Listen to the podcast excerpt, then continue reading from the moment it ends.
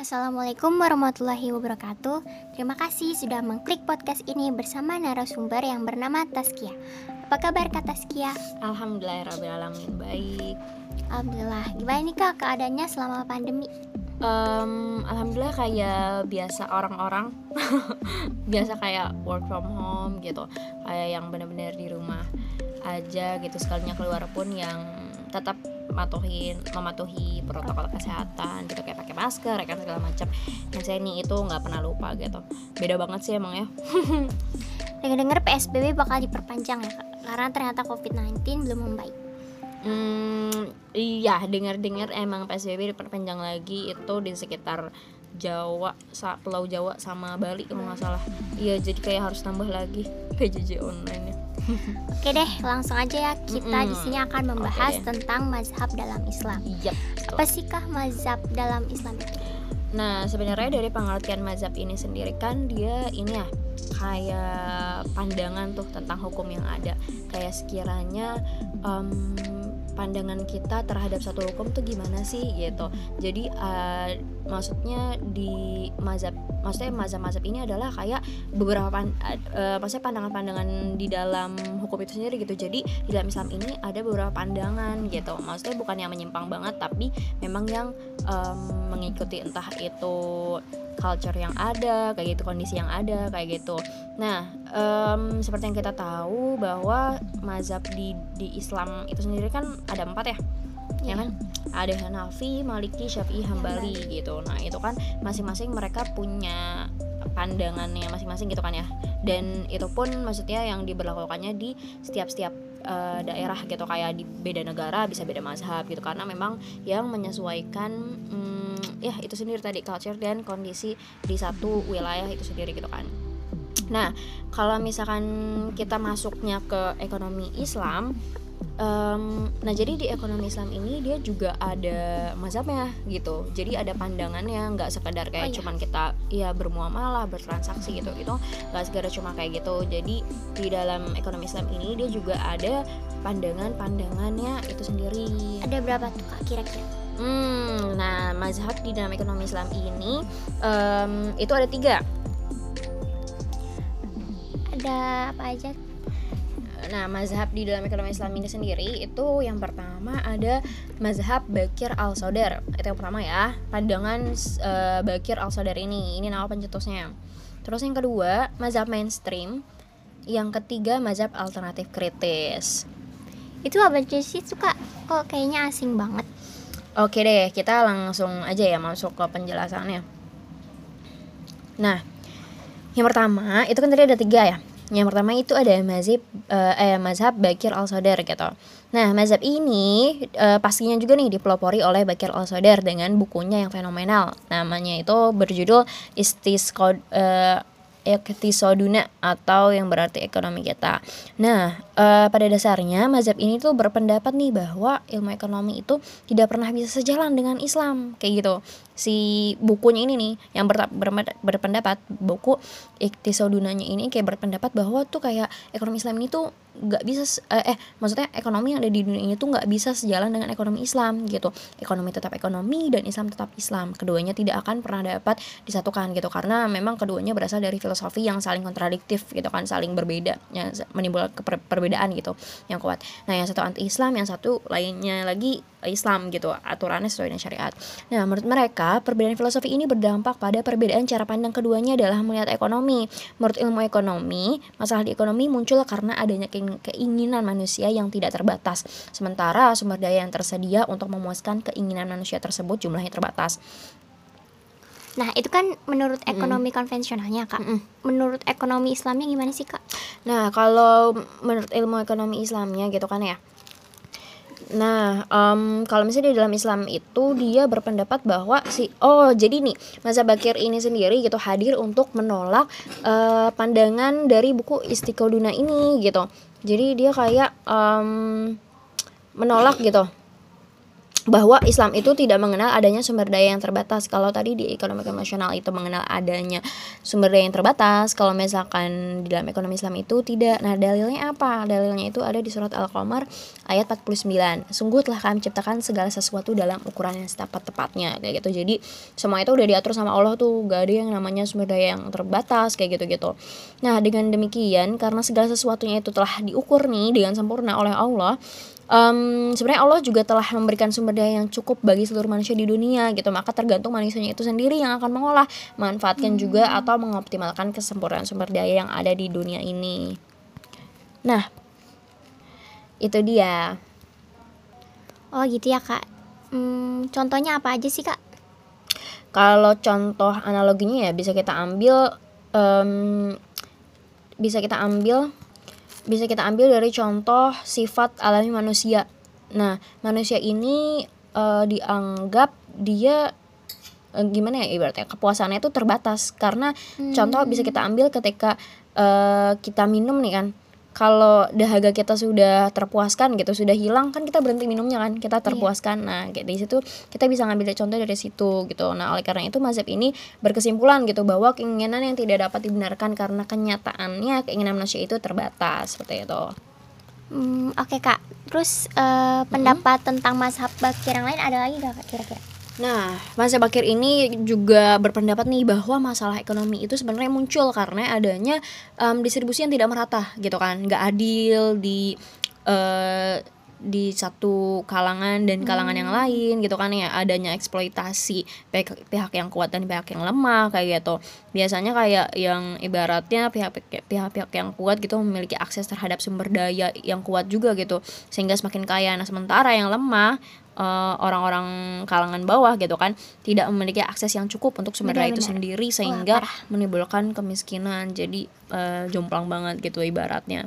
Nah sebenarnya jadi uh, mazhab Bakir Al Sadar ini lahir untuk menentang semua itu kayak gitu Oh gitu, masya Allah. Terus yang kedua apa tuh kak mazhab apa? Nah, yang kedua ini ada mazhab mainstream. Mazhab mainstream ini berbeda pendapatnya dengan mazhab bakir. Mazhab ini justru setuju nih bahwa masalah ekonomi itu muncul karena sumber daya yang terbatas yang dihadapkan pada keinginan manusia yang tidak terbatas. Berarti kebalikannya dari mazhab bakir ya kak? Iya benar, kurang lebih kayak gitu. Kalau mazhab mainstream contohnya apa tuh kak? Itu kita bisa ngambil contoh nih yang udah aku kulik gitu Misalnya bahwa total permintaan dan penawaran beras di seluruh dunia itu berada pada titik yang titik tengah gitu. Nggak banyak banget nggak ini banget nggak dikit banget gitu. Nah terus juga misalkan kayak e, contohnya gitu kayak kalau kita berbicara gitu pada tempat dan waktu tertentu maka mungkin terjadi kelangkaan sumber daya gitu. Misal kayak di Indonesia subur beras gitu kan. Belum tentu eh, di Bangladesh atau Ethiopia uh, dia menerima uh, maksudnya dia apa namanya mempunyai pasokan beras yang banyak kayak gitu. Jadi di dalam satu daerah itu dia uh, kemungkinan gitu ada yang namanya kelangkaan dan keterbatasan dari sumber daya itu sendiri gitu.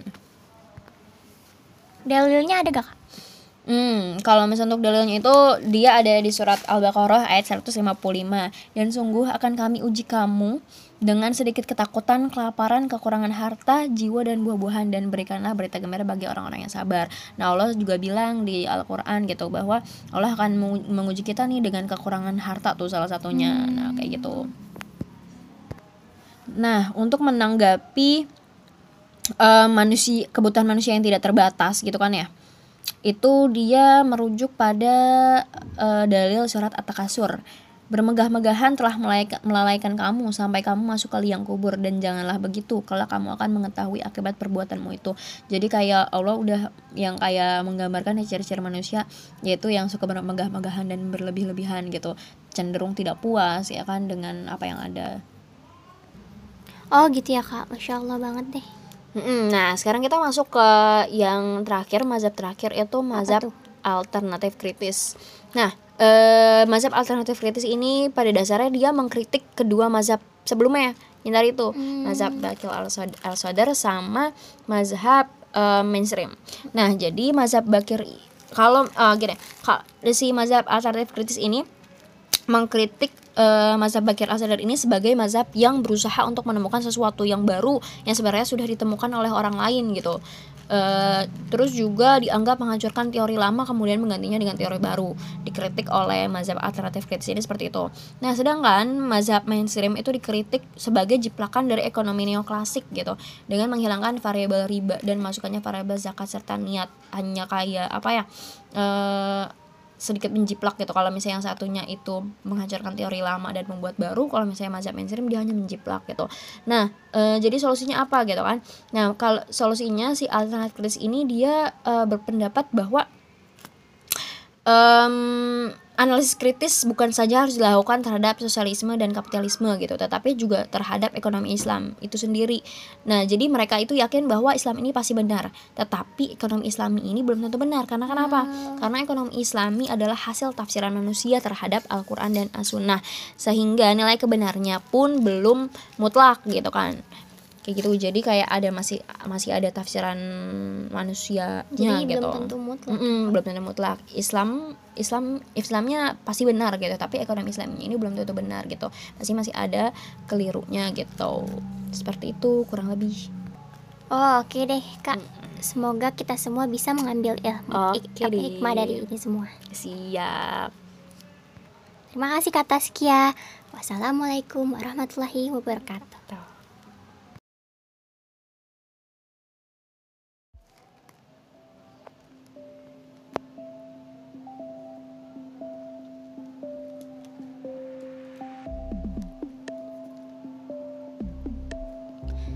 Assalamualaikum warahmatullahi wabarakatuh Terima kasih sudah mengklik podcast ini bersama narasumber yang bernama Taskia Apa kabar Kak Taskia? Alhamdulillah, Rabbil Alamin, khair Alhamdulillah, gimana nih Kak keadaannya selama pandemi? Hmm, Alhamdulillah, berjalan seperti biasa Seperti like orang-orang work from home ya.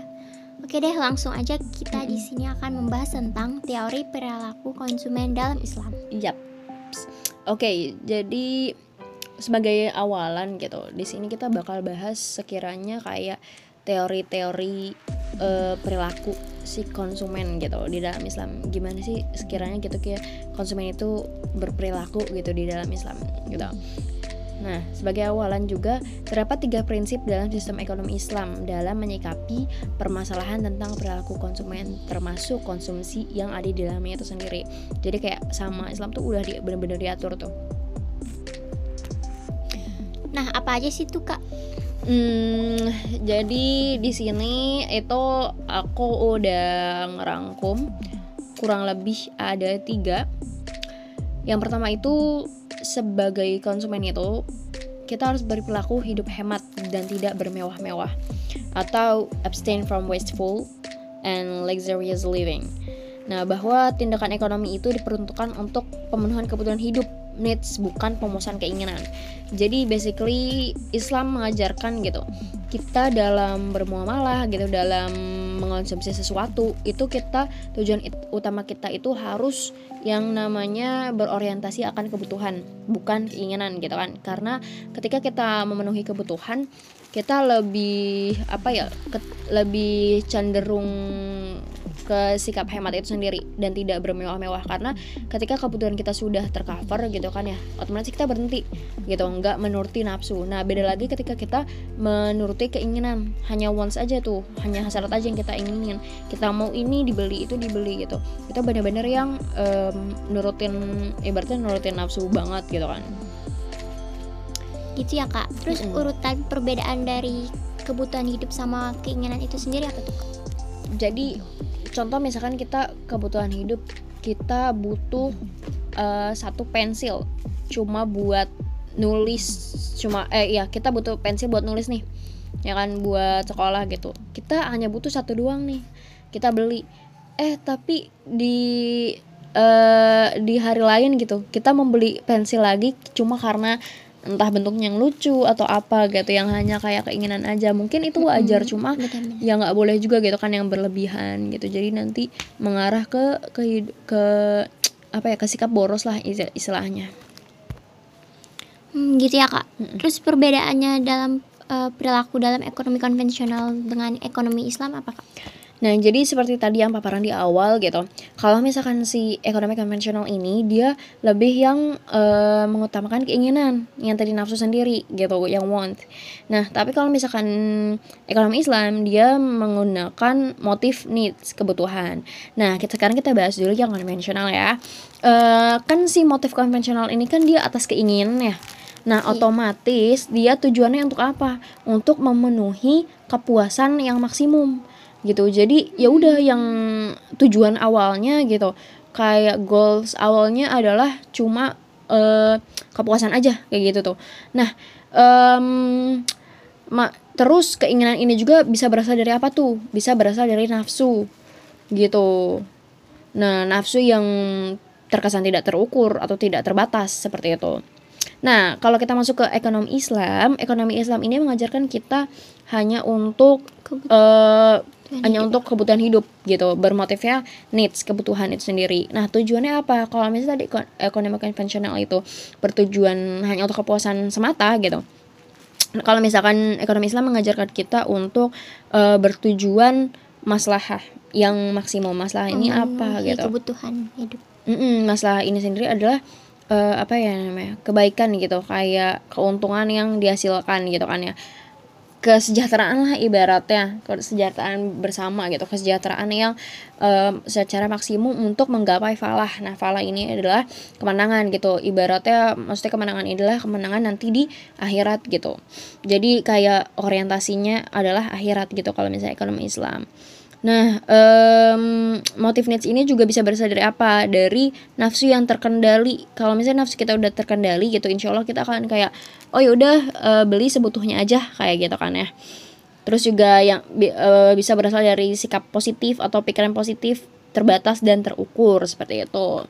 Nah, itu kan tadi yang pertama ya tentang hidup hemat gitu. Kita harus berhidup hemat dan tidak bermewah-mewahan. Nah, kedua uh, kita juga sebagai konsumen itu harus berperilaku dan apa ya berpikir untuk mengimplementasikan zakat yang diwajibkan dari infak, sedekah, wakaf, hadiah yang bersifat sukarela dan mempunyai pengaruh terhadap perilaku konsumen muslim gitu. Nah, kita juga diwajibkan untuk mengimplementasikan atau mengaplikasikan zakat itu sendiri gitu agar e, ibaratnya apa namanya harta kita tuh mengalir dengan berkah gitulah ya. Terus yang terakhir itu kita harus menjalankan usaha-usaha yang halal pastinya. Jauh dari riba, maisir dan horor gitu. Kejelasan-kejelasan tuh lebih baik kita tinggalin gitu. Meliputi bahan baku, proses produksi output produksi hingga proses distribusi dan konsumsi harus dalam kerangka halal. Semuanya harus eh, apa ya namanya terjamin kehalalannya gitu. Ketika kita mau eh, mengonsumsi suatu produk gitu Oh gitu ya kak, masya iya. Allah ya. banget. Jadi kesimpulan yang dapat kita ambil dari ini apa tuh kak? Nah, kesimpulannya itu dari prinsip-prinsip yang tadi sudah diwaparkan gitu, terlihat bahwa model perilaku muslim ini dalam menyikapi harta benda dan jasa itu bukanlah merupakan tujuan gitu kan. Gak semata-mata cuman untuk memenuhi uh, memenuhi kepuasan kayak gitu. Jadi kayak barang uh, kayak benda barang-barang benda jasa itu bukan tujuan umat muslim gitu nah kesemuanya itu merupakan media gitu hanya media untuk akumulasi kebaikan dan pahala demi tercapainya falah yaitu kebahagiaan dunia akhirat Nah, harta merup juga merupakan pokok kehidupan karenanya harus dijaga dan dikembangkan melalui pola-pola produktif. Harta benda juga merupakan karunia Allah yang diberikan kepada manusia sesuai dengan usaha yang dilakukannya gitu. Jadi kita eh jadi Allah nggak nggak asal ngasih aja gitu rezekinya nggak asal nurun aja rezekinya tetapi harus kita yang berusaha mengejarnya gitu Nah, Islam juga memandang segala yang ada di muka bumi dan sisinya adalah milik Allah yang diciptakan untuk manusia. Manusia boleh memilikinya secara sempurna namun tetap dalam kekuasaan Allah Subhanahu wa taala. Nah, karena itu kepemilikan manusia atas harta benda merupakan amanah gitu. Hanya amanah aja udah gitu. Dengan nilai amanah itulah manusia dituntut untuk menyikapi harta benda untuk mendapatkannya dengan cara yang benar. Proses yang benar dan pengelolaan dan pengembangan yang benar pula gitu. Jadi uh, ya Allah kayak hmm, juga kayak ngajarin kita bahwa semua harta yang kita punya ini tuh cuma titipan gitu kan ya. Hanya amanah yang diberikan oleh Allah gitu. Oh gitu kak. Ya Allah hmm. masya Allah banget deh. Iya jadi maksudnya dari sini kesimpulannya juga bisa kita ambil apa ya sebagai konsumen juga gitu. Kita jangan yang apa sih yang konsumtif gitu tuh ya kan? Itu kan yang kayak jangan yang hedonisme ya ah, hedon hedon banget gitu kan. Kayak ini dibeli itu dibeli kayak gitu. Jadi ya, mm, ya kurang lebih kesimpulannya kayak gitu. Secukupnya aja gitu ya. Mm-mm, betul. Oke, itu dia teman-teman penjelasan dari kata Skia tentang teori perilaku konsumen dalam Islam. Kurang lebihnya mohon maaf. Wassalamualaikum warahmatullahi wabarakatuh. Waalaikumsalam warahmatullahi wabarakatuh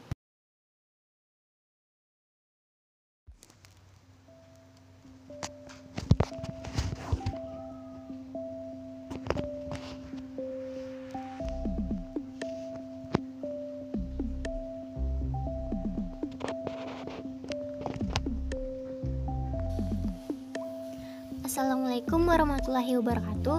Terima kasih sudah mengklik podcast ini bersama narasumber yang bernama Taskia. Apa kabar Kak Taskia?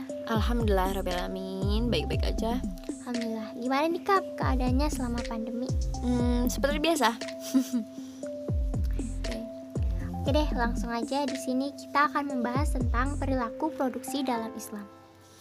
Ya, eh, jadi di sini kita em, bakal ini ya apa namanya sharing-sharing mengenai kayak perilaku produksi dalam Islam. Kalau misalnya sebelumnya kita membahas tentang perilaku konsumsi dalam Islam, kalau sekarang produksinya nih gitu. Jadi eh, apa aja sih gitu perilaku-perilaku yang memang harus diterapkan eh, di dalam satu proses produksi itu sendiri dalam Islam. Oh gitu ya Kak. Terus terus Kak. Nah, pada prinsipnya kegiatan produksi ini em, sebagaimana kegiatan konsumsi gitu. Pasti yang namanya gimana ya? terikat sepenuhnya dengan syariat Islam gitu. Kalau tadi kita bilang konsumsi ini juga harus yang konsumsi menerapkan segala macam halnya eh, dengan syariat Islam gitu. Nah, sama halnya dengan produksi gitu. Produksi ini sendiri eh, harus kita eh, jalani gitu prosesnya dengan ketentuan-ketentuan syariat Islam yang ada seperti itu. Nah, oleh karena itu kegiatan produksi eh, juga merupakan mata rantai dari konsumsi. Maka tanpa kegiatan produksi ini sendiri yang menghasilkan barang dan jasa tidak akan ada yang bisa dikonsumsi gitu. Jadi eh, si konsumsi sama produksi ini berkaitan satu sama lain kayak gitu. Hmm, gitu ya Kak. Heeh, jadi kayak ibaratnya kita mau mengonsumsi satu produk harus ada yang ter- namanya terjadi produksi dulu gitu. Nah, jadi di sini kayak sebagai awalan gitu, gimana sih aturan-aturan yang ada di dalam Islam untuk kita melakukan produksi itu sendiri. Nah, manusia juga membutuhkan makan dan minum agar bisa beraktivitas dan beribadah perlu pakaian untuk menutupi aurat dan beribadah, serta butuh tempat tinggal untuk melindungi diri serta beribadah juga berbagai kebutuhan lainnya. Maka dari itu gitu kita em, maksudnya mena- membutuhkan banget yang namanya produksi ini sendiri. Allah Subhanahu wa taala menyediakan eh, bahan baku juga gitu berupa kekayaan alam yang sepenuhnya diciptakan untuk kepentingan manusia.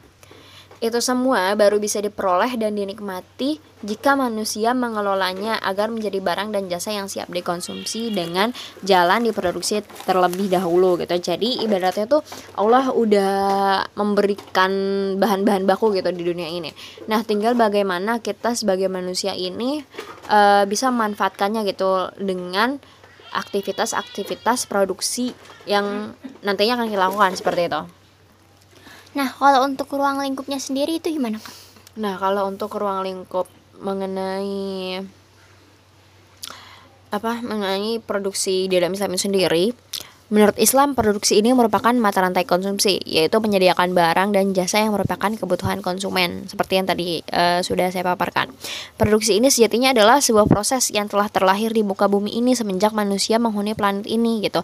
Jadi sebelum kita menghuni planet ini gitu, sebelum diciptakannya manusia, produksi ini tentu sudah ada gitu.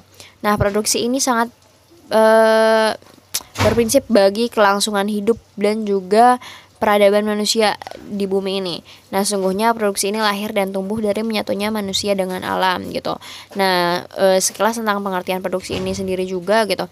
Jadi produksi ini akan terjadi ketika ada ad- ibaratnya ada sentuhan atau ada kolaborasi antara manusia dengan alam gitu. Contoh ketika kita uh, sebagai manusia memanfaatkan sumber daya alam gitu untuk kita kembangkan gitu kan untuk kita produksi. Nah, di situ kan terjadi kontak di mana antara manusia dengan alam ini gitu kan ya. Nah, jadi di situlah terjadinya um, proses produksi itu sendiri. Oh gitu ya kak. Jadi tidak bisa disebut uh, dalam produksi kalau misalnya mm -hmm. tidak ada sentuhan kontak manusia dengan alam. Iya betul. Uh, jadi ya sebenarnya kunci utamanya itu gitu. Produksi ini terjadi ketika hmm. kayak uh, manusia dengan alam ini berkontak satu sama lain seperti itu kurang lebih. Hmm, oh gitu ya kak. Mm -mm. Terus kalau untuk prinsip-prinsip produksi itu sendiri apa aja tuh kak? Prinsip-prinsipnya. Nah, prinsip-prinsipnya itu aku udah ngerangkum ada tiga gitu. Apa aja tuh kak? Yang pertama ada seluruh kegiatan produksi ini terikat pada tataran nilai moral dan teknikal yang islami. Gitu. Hmm. Jadi dalam kita melakukan proses produksi ini sendiri di dalam Islam gitu. Kita harus menerapkan yang namanya tataran nilai moral dan teknikal yang islami. Maksudnya apa? Maksudnya uh, ibaratnya kita memproduksi satu barang itu juga harus yang memperhatikan nilai moral gitu. Nilai moral yang ada di lingkungan kita nggak biasa semena-mena gitu. Uh, contoh kayak kita harus yang memproduksi produk kita dengan kejaminan kehalalan yang jelas gitu kan ya uh, kayak gitu. Nah juga dengan teknikal yang Islami, dengan tata cara yang benar, kayak misalkan uh, memotong hewan dengan membaca basmalah gitu kan di awal dengan basmalah kayak gitu. Kan semuanya harus yang uh, sesuai dengan yang namanya syariat Islam itu sendiri. Nah lanjut. Kedua di dalam prinsip produksi itu juga ada nih uh, kegiatan produksi ini harus juga memperhatikan aspek sosial kemasyarakatan. Nah uh, maksudnya apa? Kan kalau misalnya dalam bisnis itu ada yang namanya CSR ya. Nah CSR ini sendiri dia yang memperhatikan gitu kemaslahatan sosial juga. Jadi uh, kita nih sebagai umat muslim alangkah baiknya ketika kita memproduksi satu barang kita juga memperhatikan aspek sosial kemasyarakatan. Kayak uh, apakah produk yang nantinya akan kita bawa ini atau kita usung ini akan membawa dampak baik gitu kan. Kan nggak mungkin kita menjual khamar atau barang-barang haram gitu kan ya. Penting yang jualnya baik. Mm -mm, menjual yang halal dan toyib kayak gitu. Halal juga baik juga gitu kan ya. Kayak gitu. Nah e, sebenarnya ini juga sih banyak kayak contoh pabrik-pabrik tuh yang kayak apa sih mereka mengkon eh, maksudnya mereka memproduksi tapi limbah pabrik itu benar-benar yang uh, asap pabrik itu. Asap pabriknya jadi yang limbah banget gitu kan mencemarkan udara. Nah itu sebenarnya juga kurang baik kayak gitu. Nah yang ketiga itu ada permasalahan ekonomi ini juga muncul bukan saja karena kelangkaan tetapi lebih kompleks.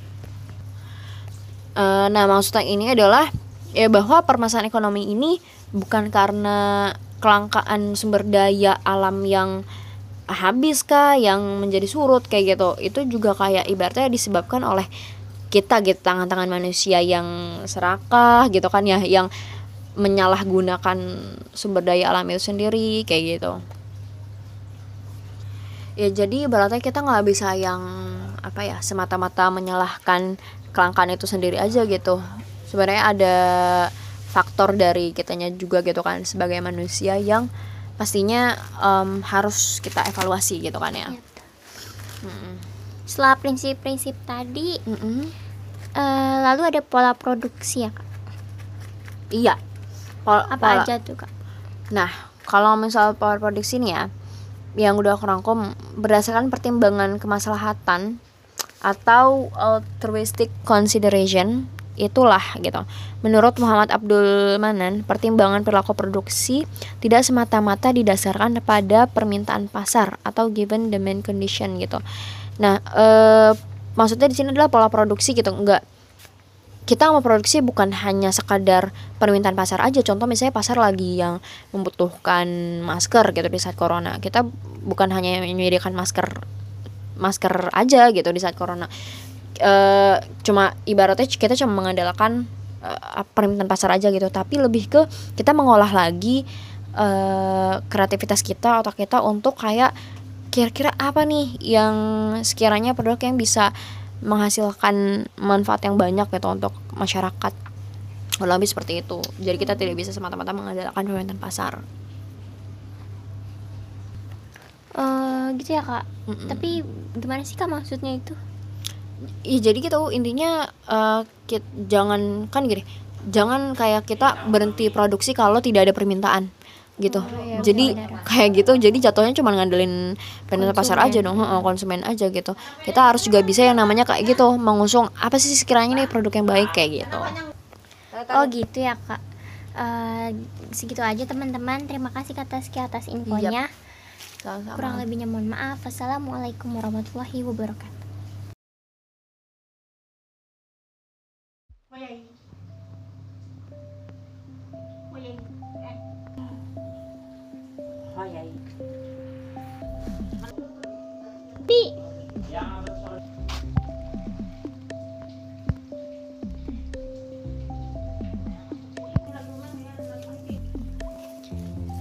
Assalamualaikum warahmatullahi wabarakatuh Terima kasih sudah mengklik podcast ini bersama narasumber yang bernama Taskia Apa kabar Kak Taskia? alhamdulillah rabbil alamin baik Alhamdulillah Oke deh langsung aja kita di sini akan membahas tentang harga dan pasar dalam Islam Hmm. Apa sih itu Kak?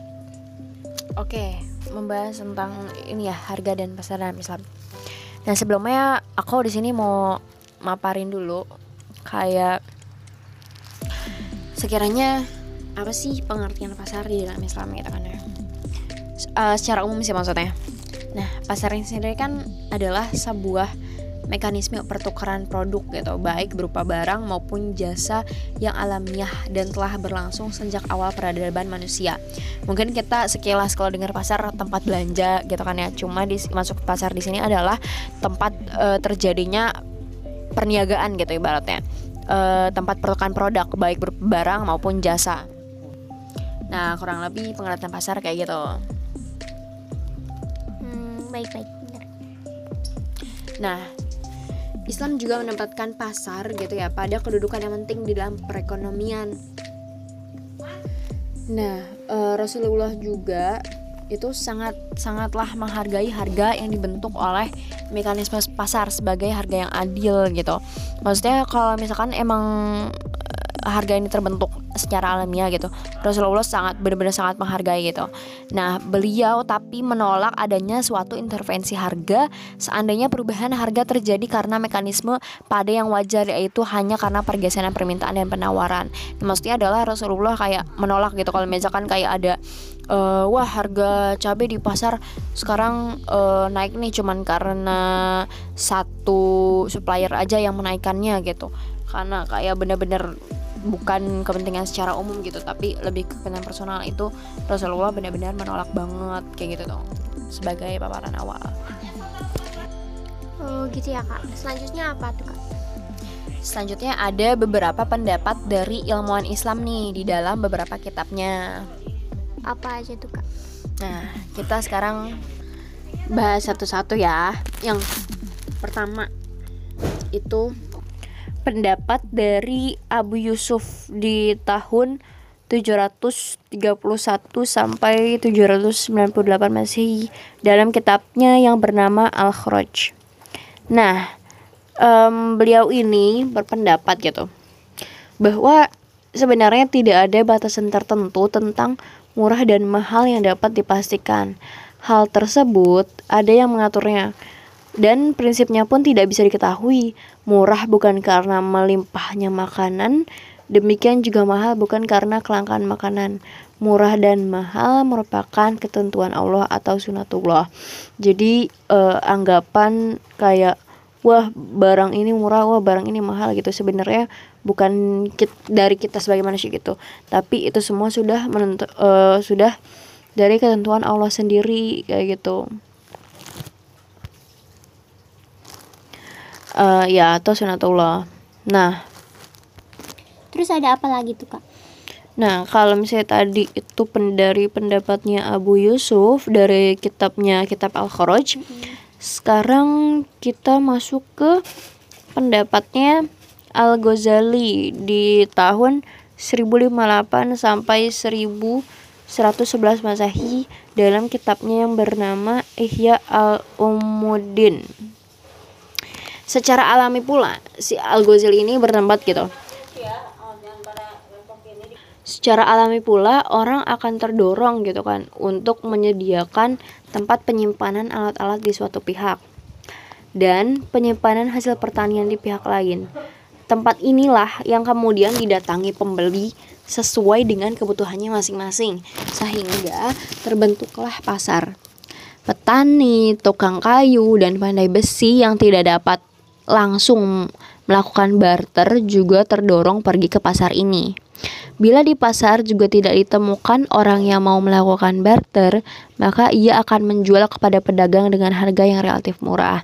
Jadi ibaratnya uh, gini maksudnya pada ininya um, Al-Ghazali ini berpendapat gitu bahwa pasar itu sebenarnya terbentuk secara alami karena dia memberi contoh uh, bahwa ketika petani, tukang kayu, gitu dan pandai besi membutuhkan gitu kan ya apa yang sekiranya dibutuhkan oleh mereka gitu mereka akan terdorong untuk pergi ke pasar. Nah pasar ini e, terbentuk dari kebutuhan si petani tukang kayu dan pandai besi ini sendiri. Seperti itu. Jadi istilahnya e, pasar benar-benar yang sangat-sangat terbentuk dari kebutuhan dasar kebutuhan manusia kayak gitu.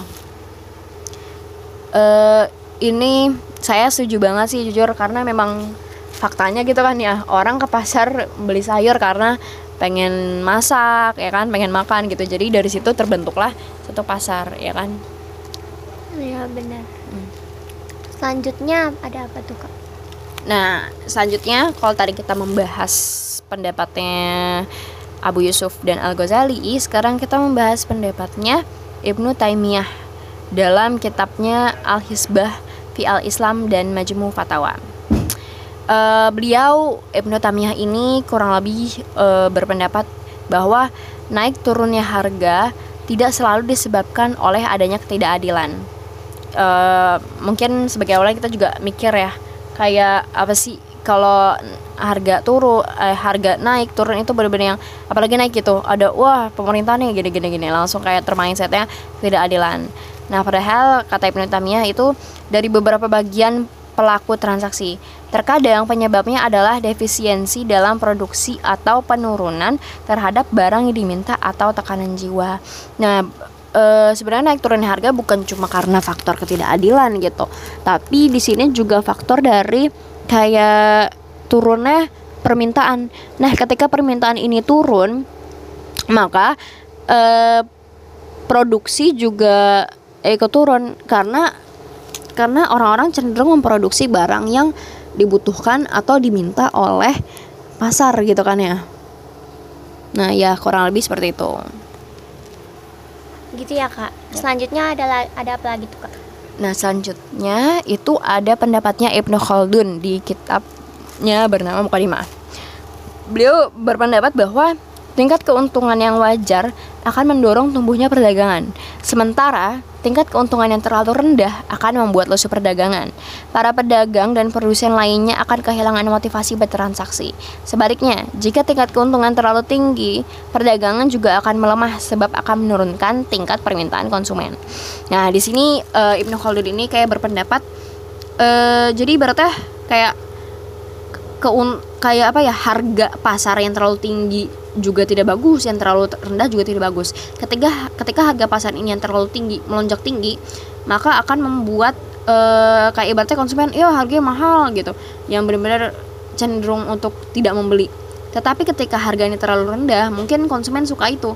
Tetapi uh, sebagai produsen, mereka akan kehilangan semangatnya untuk berjualan lagi kayak gitu karena memang mereka yang mendapatkan keuntungan yang tidak terlalu besar seperti itu kan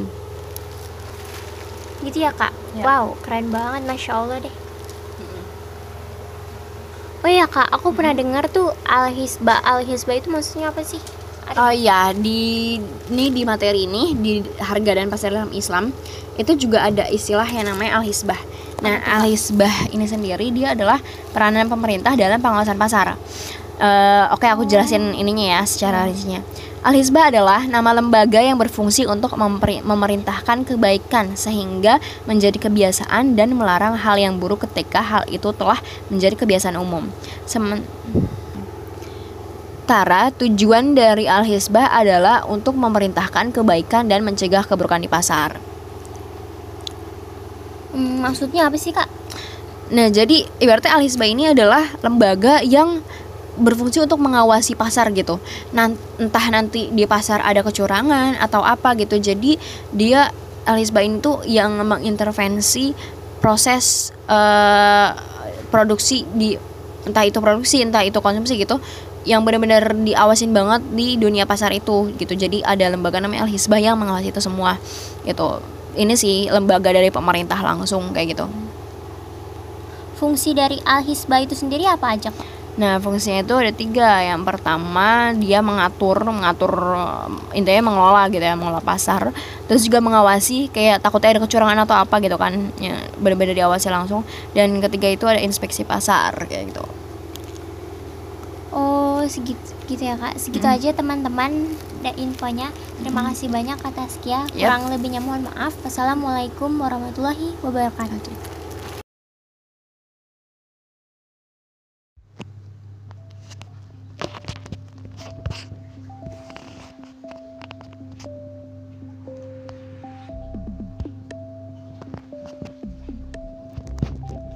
Assalamualaikum warahmatullahi wabarakatuh Terima kasih sudah mengklik podcast ini bersama narasumber yang bernama Taskia Apa kabar Kak Taskia? Alhamdulillah baik Alhamdulillah Langsung aja di sini kita akan membahas tentang distorsi pasar dalam Islam Yep Oke okay.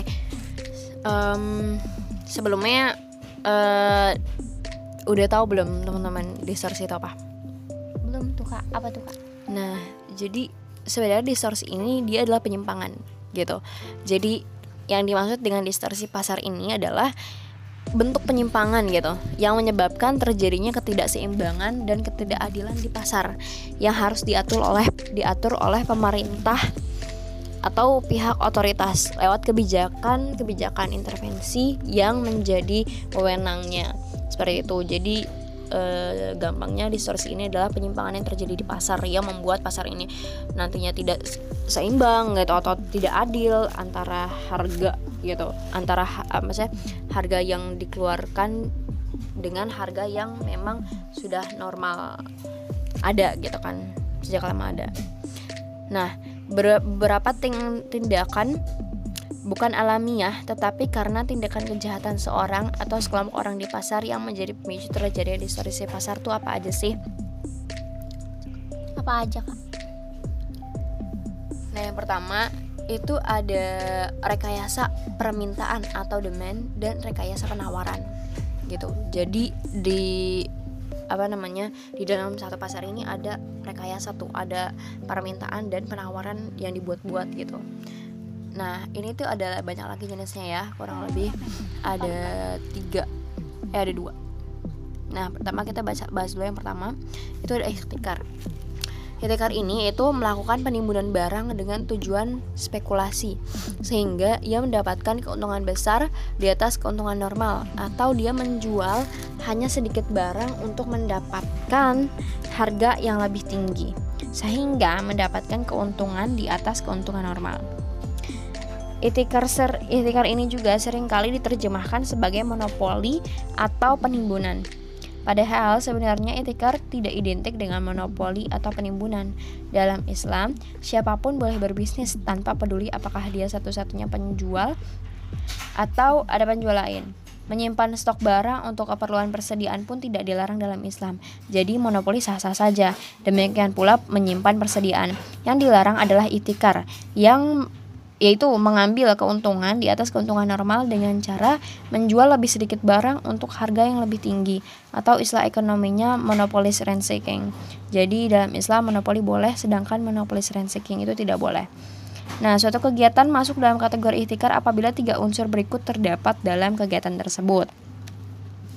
Yang pertama, itu mengupayakan adanya kelangkaan barang baik dengan cara menimbun stok atau mengenakan entry barriers uh, jadi kayak sengaja gitu disimpan biar barangnya langka nih oh karena langka jadi dijual mahal gitu disengajain Kedua, menjual dengan harga yang lebih tinggi dibandingkan dengan harga sebelum munculnya kelangkaan. Nah, karena kelangkaan ini sudah direkayasa karena memang ditimbun gitu. Jadi, harganya dinaikkan pun konsumen tidak akan curiga gitu karena memang sebelumnya sudah terjadi rekayasa e, kelangkaan barang itu sendiri. Nah, selanjutnya yang ketiga itu mengambil keuntungan yang lebih tinggi dibandingkan keuntungan sebelum komponen 1 dan 2 dilakukan. Sa kurang lebih sama kayak tadi, mengambil ini yang mengambil keuntungan yang lebih tinggi. Nah, kedua, itu yang masuk tadi masuk ke masih masuk ke rekayasa permintaan. Kedua itu ada bayi najasi. Nah, najasi ini adalah sebuah praktek dagang di mana seseorang pura-pura menawarkan barang yang didagangkan dengan maksud hanya untuk menaikkan harga agar orang lain bersedia membeli dengan harga itu. Ibnu Umar radhiyallahu anha berkata, Rasulullah Shallallahu Alaihi Wasallam melarang keras praktek jual beli najasi. Nah, di dalam hadis yang diriwayatkan oleh Tirmizi, Rasulullah Shallallahu Alaihi Wasallam juga bersabda, janganlah kamu sekalian melakukan penawaran barang tanpa maksud untuk membeli. Hadis riwayat Tirmizi. Transaksi najasi diharamkan dalam perdagangan karena si penjual menyuruh orang lain memuji barangnya atau menawar dengan harga yang lebih tinggi agar orang lain tertarik pula untuk membelinya. Si penawar sendiri tidak bermaksud untuk benar-benar membeli barang tersebut. Ia hanya ingin menipu orang lain yang benar-benar ingin membeli yang sebelumnya orang ini telah melakukan kesepakatan dengan penjual. Akibatnya terjadi permintaan palsu atau false demand. Tingkat permintaan yang terjadi ini tidak dihasilkan secara alamiah, yang benar-benar direkay direkayasa banget. Contoh kayak di dalam pasar si A sama si B sudah sepakat gitu. E, B sudah sepakat bahwa B akan membantu A untuk berpura-pura memuji e, produknya di depan si C sebagai konsumen si B ini berpura-pura bahwa wah produk ini bagus gitu produk ini bagus dan pura-pura menawar dengan harga tinggi gitu agar kayak terjadi perbandingan harga sehingga konsumen akan tertarik gitu nah di situ benar-benar terjadi apa ya ibaratnya sangat-sangat direkayasa gitu terjadi kebohongan lah di sini di situ oh itu yang pertama ya kak kalau hmm. yang kedua apa tuh kak nah tadi kan yang pertama itu dia rekayasa permintaan ya sama penawaran Nah, kedua ini penipuan nih, kurang lebih sama nih. Penipuan atau disebut bahasa Arabnya adalah tadlis. Nah, tadlis ini adalah kondisi di mana satu pihak tidak mengetahui kondisi yang sebenarnya unknown to one party sehingga pihak yang mengetahui informasi memanfaatkan kondisi tersebut untuk mendapatkan keuntungan dengan menipu pihak yang tidak tahu. Kondisi ini disebabkan karena adanya incomplete information. Tadlis bisa terjadi dari segi kualitas, kuantitas, harga, dan waktu penyerahan. Tadlis ini terjadi karena adanya ketidakjujuran di antara pihak yang melakukan transaksi. Sistem ekonomi Islam melarang hal ini ketimbangan informasi tentang barang yang akan diperjualbelikan melarang itu ya. Karena dengan adanya informasi yang tidak sama antara kedua belah pihak maka unsur antara min antar diminkum atau relaan sama-sama rela gitu ya itu dilanggar. Untuk menghindari penipuan masing-masing pihak harus mempelajari strategi pihak lain. Dalam ekonomi konvensional hal ini dikenal dengan zero sum game theory. Al-Quran dengan tegas telah melarang semua transaksi bisnis yang mengandung unsur penipu penipuan dalam segala bentuk terhadap pihak lain. Seperti dalam surat Al-An'am ayat 152, dan sempurnakanlah takaran dan timbangan dengan adil. Kami tidak memikul beban kepada seseorang melainkan sekedar kesanggupannya. E, jadi intinya kita nggak nggak boleh gitu yang melakukan benar-benar penipuan kan banyak banget ya kayak ditambahin lah gitu kayak takaran ditambahin dicurangin kayak gitu gitu itu masuk ke dalam tadlis itu sendiri nah salah satu alasan juga kenapa dilarang karena kan eh, tadlis ini kan penipuan ya otomatis dengan ditip dengan terjadi penipuan konsumen ditipu gitu akan menimbulkan ketidakridoan gitu. Nah, dengan tidak ridho ini menimbulkan dosa gitu ibarat ya kayak yang dipermasalahin banget tuh di uh, sama-sama ridonya ini antar diminkum ini gitu prinsip antar diminkum. Oh gitu ya kak, masya allah banget panjang ya kak penjelasannya. Terus untuk yang terakhir kira-kira apa kak?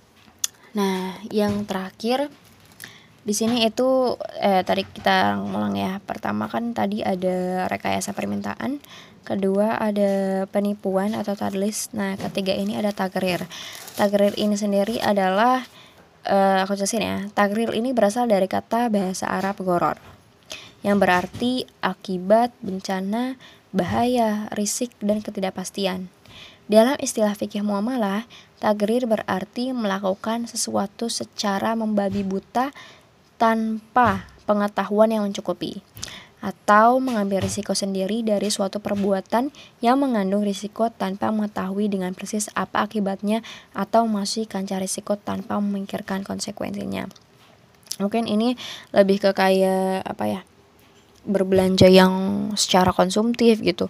Kita udah punya satu barang kita beli barang lain cuma karena tampilannya gitu, cuma karena lucu gitu-gitu kan. Maksudnya yang terhitungnya boros ya gitu karena konsumtif gitu. Dan itu salah satu perilaku yang kurang baik gitu. Nah mungkin tagar tagar ini sendiri adalah itu goror e, dari unsur ketidakpastiannya. Maksudnya apa? Maksudnya adalah ketidakpastian kayak oh kita membutuhkan membutuhkan satu produk ini banget apa enggak gitu kayak yang urgensinya tuh skala urgensinya tinggi atau rendah gitu Wah, Masya Allah keren banget penjelasannya. Segitu aja teman-teman. Sekian dari podcast kali ini. Terima kasih banyak kan atas infonya. Yap. Kurang lebihnya mohon maaf. Wassalamualaikum warahmatullahi wabarakatuh.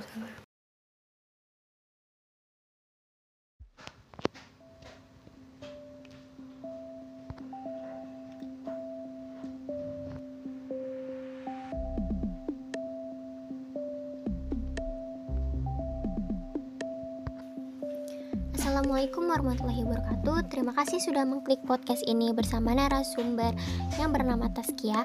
Apa kabar kak? Alhamdulillah. Oke deh, langsung aja di sini kita akan membahas tentang fungsi zakat dan wakaf dalam ekonomi mikro Islam. Nah, ya. Kita sekarang kita membahas tentang ini ya, zakat dan wakaf gitu.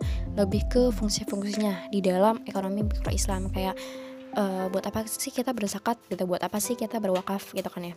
Nah, sebelumnya kita kulik dulu ya dari segi pengertiannya. Ya, apa tuh kak pengertiannya? Nah, pengertian zakat ya, kita sekarang bahas ke zakat dulu. Zakat adalah ibadah yang berkaitan dengan harta benda yang telah disepakati yang memiliki posisi strategis dan menentukan baik dilihat dari sisi ajaran Islam maupun dari sisi pembangunan kesejahteraan umat. Sebagai suatu ibadah pokok, zakat termasuk rukun ketiga dari rukun Islam yang lima. Nah, ibaratnya zakatnya sendiri dia ibadah yang berkaitan dengan harta benda ya, gitu. Kan kita tahu ya, kayak zakat fitrah gitu-gitu yang benar-benar disalurkan untuk yang memang membutuhkan. Nah, menurut bahasa Arab, zakat terdiri dari tiga kata yaitu eh, za, kaf, dan ya mengandung arti nama a zaada berkembang dan bertambah. Selain itu, ia juga berarti autorir, atorir, an-nazif, atau yib, solih. Menurut istilah, zakat mengandung arti sebagai suatu kewajiban yang bersifat material yang diwajibkan kepada pemilik harta terhadap yang bersifat e, berkembang biak secara aktual maupun yang secara potensial yang telah mencapai senisab dan sahau sahawal. Selain itu, ada juga yang mendefinisikan zakat berarti berkah, bersih, dan berkembang dinamakan berkah karena dengan membayar zakat hartanya akan bertambah sehingga akan menjadi hartanya tumbuh laksana tunas-tunas pada tumbuhan karena karunia dan keberkahan yang diberikan Allah Subhanahu wa taala kepada seorang muzakir itu sendiri atau yang pemberi zakat. Dinamakan bersih karena dengan membayar zakat harta dan dirinya menjadi bersih dari kotoran dan dosa juga yang menyertainya yang disebabkan oleh harta yang dimiliki tersebut adanya hak-hak orang lain menempel padanya. Jadi kayak kita punya harta tuh masih ada nih hak-hak orang lain di harta kita. Jadi that's why kita harus menyalurkannya gitu supaya hak-hak itu tersalurkan. Maka apabila tidak dikeluarkan zakatnya, harta tersebut mengandung hak-hak orang lain yang apabila kita memakannya, berarti kita telah memakan harta haram karena di dalamnya terkandung milik orang lain. Menurut Ibnu Taimiyah, hati dan harta orang yang membayar zakat tersebut menjadi suci serta berkembang secara maknawi. Nah, Zakat juga berarti berkembang, harta berkembang melalui zakat tanpa disadari. Sedangkan secara terminologi atau istilah, zakat ialah pemilikan harta yang dikhususkan kepada mustahid atau penerimanya dengan syarat-syarat tertentu, yaitu syarat-syarat yang memang memenuhi kayak memang tidak mampu dan layak untuk di, layak untuk diberi bantuan seperti itu. Nah, kalau untuk fungsinya apa sih, Kak? Nah, tadi kita udah membahas tentang zakat ya. Nah, sekarang kita ke fungsinya. Fungsi dari zakat ini sendiri, kan zakat itu ibadah yang memiliki dua dimensi ya, yaitu vertikal dan horizontal, di mana uh, hubungan vertikal ini kita kepada Tuhan, gitu, kepada Allah. Dan horizontal ini kita kepada manusia. Nah, kenapa disebut vertikal dan horizontal? Dua-duanya dapat gitu ibaratnya. Kita vertikal hubungan ke Allahnya dapat kita pahala gitu karena memang ini adalah perintah dari Allah. Nah, sedangkan horizontal kita bisa membantu ibaratnya saudara-saudara kita yang kekurangan gitu. Nah, di situ kita mendapat manfaat secara horizontalnya juga gitu. Habluminallah dan habluminanas. Nah, zakat juga merupakan ibadah sebagai bentuk ketaatan kepada Allah habluminallah secara vertikal ya dan sebagai kewajiban kepada sang manusia habluminanas horizontal. Zakat juga sering disebut sebagai ibadah kesungguhan dalam harta. Ma'aliyah ijtihadiyah. Ya jadi kayak kita uh, ibaratnya apa ya? beribadah gitu ya, berdakwah nggak cuma secara nggak cuma dengan fisik gitu tapi dengan harta yang kita punya juga. Nah, selain bertujuan sebagai ibadah, pemungutan maupun penggunaan zakat bertujuan juga untuk merealisasikan fungsi-fungsi sosial, ekonomi, dan permodalan dalam Islam. Nah, e, sebenarnya zakat itu yang emang benar-benar solutif banget gitu kan buat yang menyeimbangkan ekonomi ekonomi yang ada di satu wilayah gitu kan. Karena dengan adanya zakat ini kan ibaratnya orang yang ada di atas bisa membagikan harta-hartanya gitu. Dan pembagian hartanya kepada orang yang kalangan bawah sehingga nanti bisa terjadi kesamarataan dari uh, dari ekonomi dari ekonomi itu sendiri. Nah, secara umum fungsi dari zakat juga sebagai sarana jaminan sosial pemersatu masyarakat dalam memenuhi kebutuhan-kebutuhan pokok tiap-tiap individu. Nah, karena zakat ini juga dinilai dan ditinjau bisa memberantas kemiskinan gitu. Selain itu, zakat juga mempunyai peranan aktif dalam perekonomian sebab ia merupakan pungutan yang mendorong kehidupan ekonomi. Lebih seperti itu. Oh, yang tadi tentang zakat ya, Kak? Yep. Kalau tentang wakaf gimana tuh, Kak? Nah, tadi kan kita membahas tentang zakat ya. Kayak itu adalah salah satu ibadah dalam ibadah kita dengan harta. Nah, wakaf ini sebenarnya juga masih keterkaitan dengan harta yang kita keluarkan gitu. Kalau wakaf mungkin lebih ke kayak kita bersedekah gitu kan ya. Bersedek beda sih mungkin tapi lebih ke kayak kita menyumbangkan uang kita untuk satu tujuan gitu. Misalnya mewakafkan uang kita untuk pembangunan masjid kah atau sekolah atau pesantren kayak gitu. Nah kita langsung masuk aja ya. Tujuan utama diinvestasikannya dana wakaf adalah untuk mengoptimalkan fungsi harta uh, wakaf sebagai prasarana untuk meningkatkan kualitas hidup dan kehidupan sumber daya insani. Nah, sebagai ini ya tujuannya uh, untuk menaikkan taraf kehidupan insan gitu. Menurut Monzerkaf, ahli ekonomi Islam, gagasan untuk menginvestasikan dana wakaf, misalnya untuk mengkonstruksi harta bergerak, harta bergerak yang diwakafkan atau untuk meninggalkan modal harta, tetap wakaf tidak dibahas dalam fikih klasik. Nah, KAF ini juga membedakan modal investasi wakaf ke dalam dua modal yaitu modal pembiayaan harta wakaf tradisional dan modal pembiayaan secara institusional gitu. Nah, itu dia. Terus pembangunan sosial sertifikat wakaf tunai ini juga menawarkan peluang yang unik gitu untuk membantu masyarakat dengan profit dari wakaf tunai. Sebentar, mana ya halaman lagi ya? Nah, itu ibaratnya kayak wakaf ini tuh juga apa ya yang fungsinya tuh untuk mesejahterakan uh, kehidupan sosial lah gitu nah itu ya Membangun masyarakat sejahtera, dana yang terhimpun dari wakaf tunai ini akan diinvestasikan dan hasilnya dapat memberikan jaminan sosial kepada si miskin dan keamanan bagi si kaya. Akhirnya, wakaf tunai akan menjadi wahana bagi terciptanya kepedulian dan kasih sayang antara si kaya dan si miskin, sehingga membantu terciptanya hubungan yang harmonis dan kerjasama yang baik. Tidak berlebihan kiranya kita mengharapkan bahwa selalu sertifikat wakaf tunai akan memperoleh manfaat yang banyak di bidang ekonomi dan sosial bagi masyarakat secara keseluruhan. Gitu. Oh, jadi di sini kayak wakaf juga ada kayak uh, jenis-jenisnya gitu. Nah, salah satunya adalah sertifikat wakaf tunai ini kayaknya yang memang benar-benar yang yang langsung disalurkan ke kegiatan-kegiatan sosial gitu. Nah sebenarnya iya sih kalau dibilang tuh fungsi wakaf tuh untuk kepentingan sosial tuh juga sangat tinggi gitu. Aku bisa ngambil contoh sih waktu kayak uh, adanya penyaluran wakaf gitu buat kampus aku kan. Itu yang kayak emang bener-bener apa sih jadi terbantu banget gitulah dengan adanya wakaf ini gitu.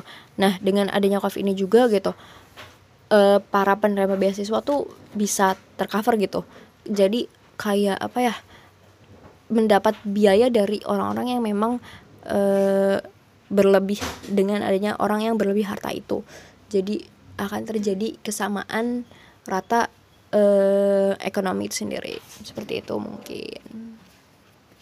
Lebih kayak gitu intinya ini sih ya kita harus banget gitu yang menerapkan zakat dan wakaf ini ke dalam kehidupan kita seperti itu.